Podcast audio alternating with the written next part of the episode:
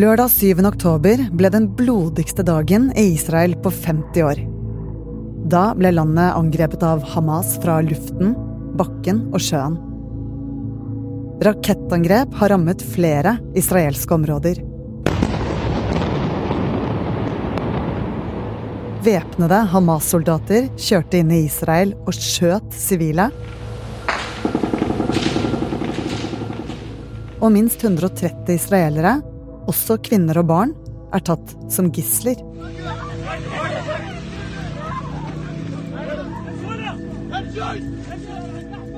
Angrepene kom totalt overraskende på Israel, og nå har landet erklært krig mot Hamas.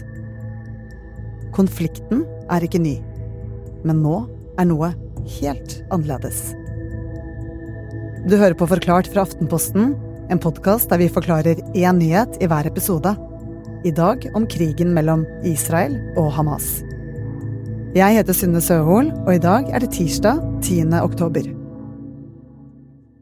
Lørdag morgen, midt i en av eh, jødenes viktigste høytider, så våknet Israel til flyalarmer flere steder i landet.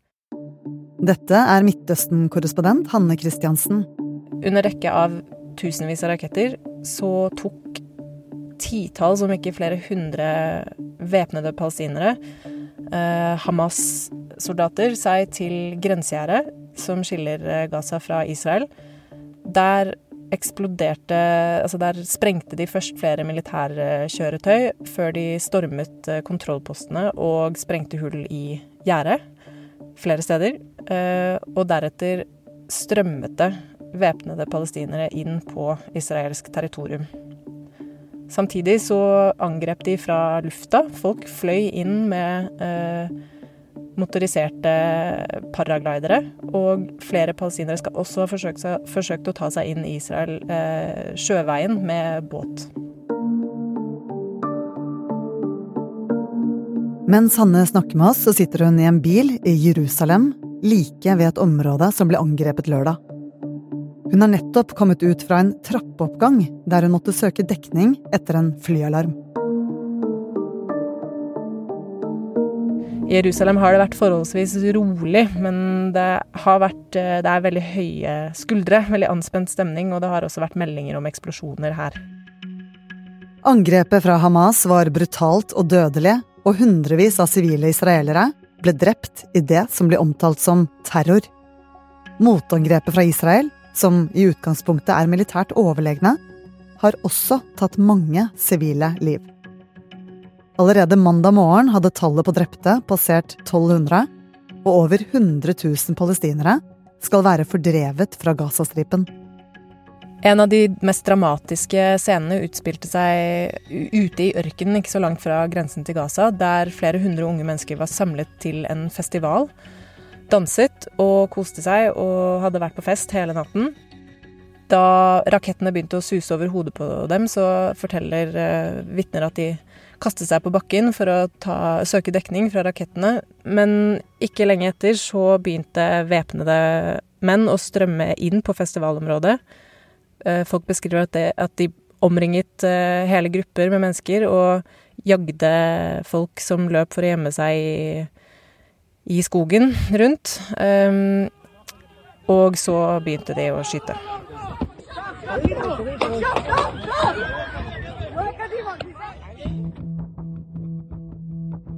Alt i alt, eh, Hanne, går det an å beskrive hvor alvorlig disse hendelsene egentlig er?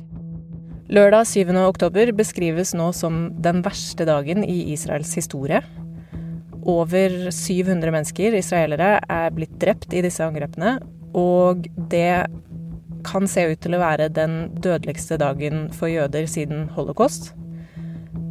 At Hamas har klart å ta seg inn i Israel, er, eh, det er noe vi aldri har sett før. Um, og konflikten kommer sannsynligvis til å bli veldig, veldig mye verre og blodigere i dagene som kommer.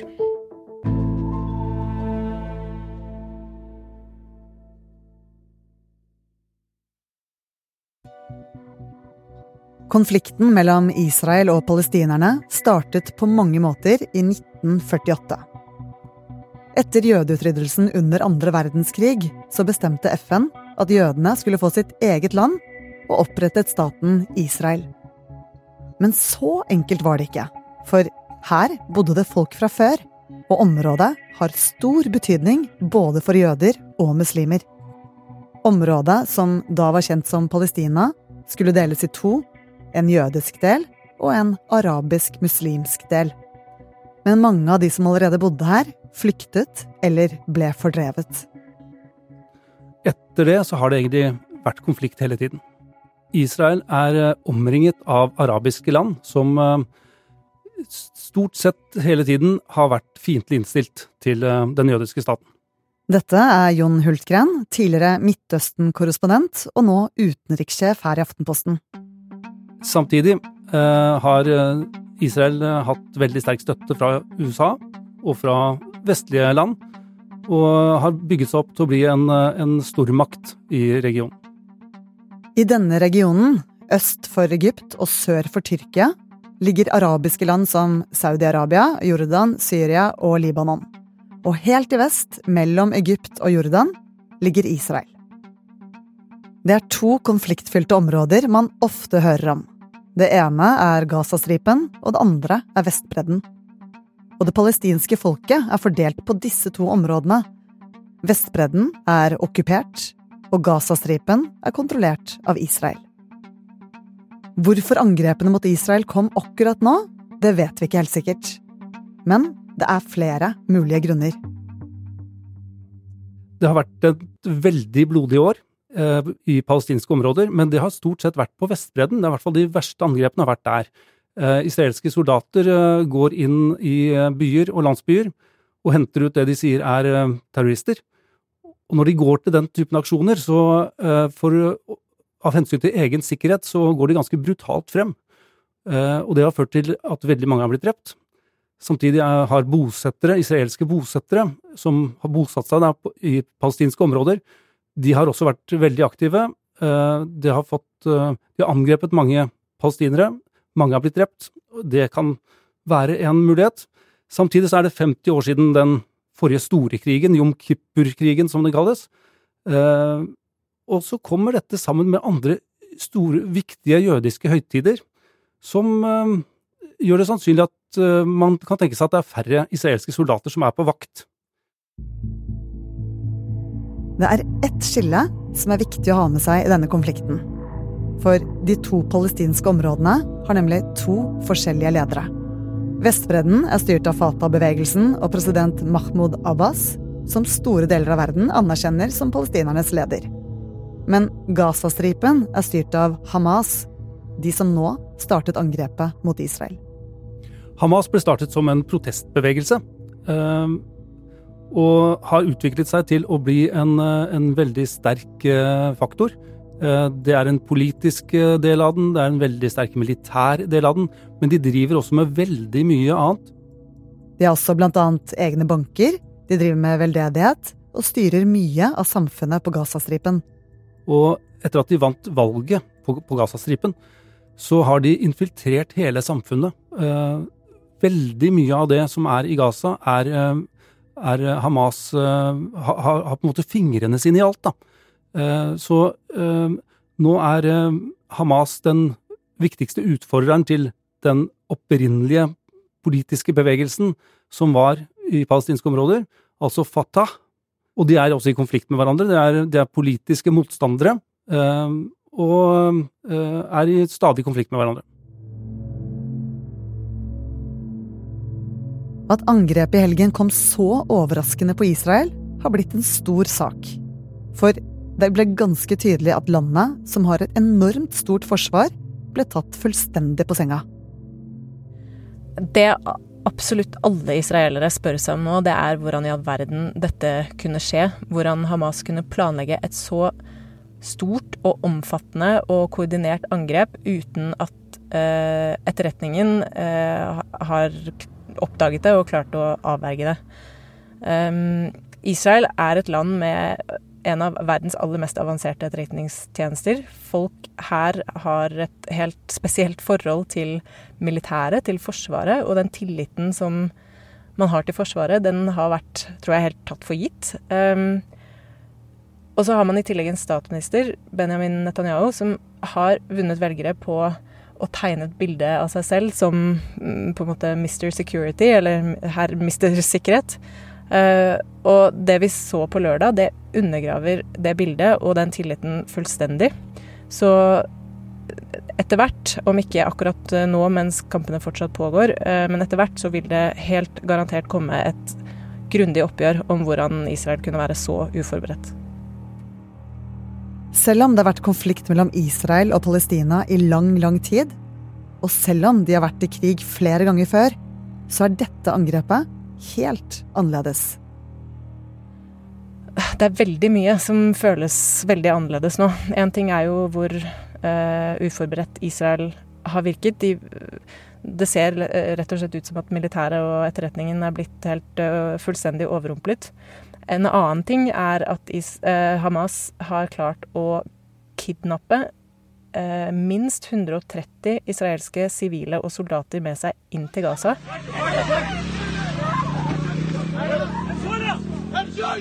Det var videoer som virkelig var brutale og veldig, veldig vonde å se. Og eh, det er fortsatt ganske uvisst akkurat hvem som er blitt kidnappet, og akkurat hvor mange. Eh, og bare det at Hamas har hatt kontroll på områder og, og små byer, bosetninger, inne i Israel, det har jo ikke skjedd på ja, siden, siden, 1948, den første store krigen mellom israelerne og araberne. Så dette er, dette er helt uvanlig og veldig, veldig oppsiktsvekkende. Hva er hensikten med disse kidnappingene? Hamas har sagt at uh, dette angrepet og kidnappingene har til hensikt å få løslatt palestinske fanger. Så ved å holde så mange israelske gisler som det de har nå, så, så gjør de det også vanskeligere for Israel å gå inn og angripe Gaza, ettersom det er såpass mange eh, israelske og utenlandske statsborgere eh, inne, i, eh, inne på Gazastripen. Mandag innførte Israel full blokade av Gaza. Det betyr null forsyninger, ikke mat, ikke medisiner, ikke bensin. Ingenting kommer inn til de som bor i området. Israel har lovet hevn. Eh, statsminister Netanyahu sier at eh, fienden kommer til å betale en pris de aldri før har sett for seg. 300 000 reservister er eh, kalt inn til tjeneste, og hele Israel og palestinere i Gaza, og for så vidt på Vestbredden også, forbereder seg nå på det som kommer sannsynligvis til å bli en storstilt bakkeinvasjon av Gaza. Det kommer til å bli forferdelig blodig. Når Israel går inn der, så er de på eh, bortebane.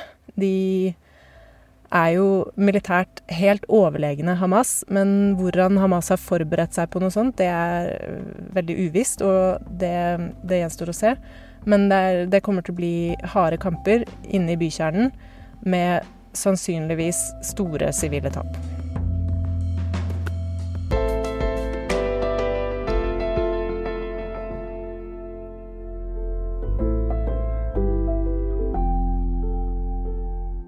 Du har hørt en podkast fra Aftenposten. Det var Midtøsten-korrespondent Hanne Christiansen og utenrikssjef Jon Hultgren som forklarte hvorfor det kokte over mellom Hamas og Israel nå i helgen.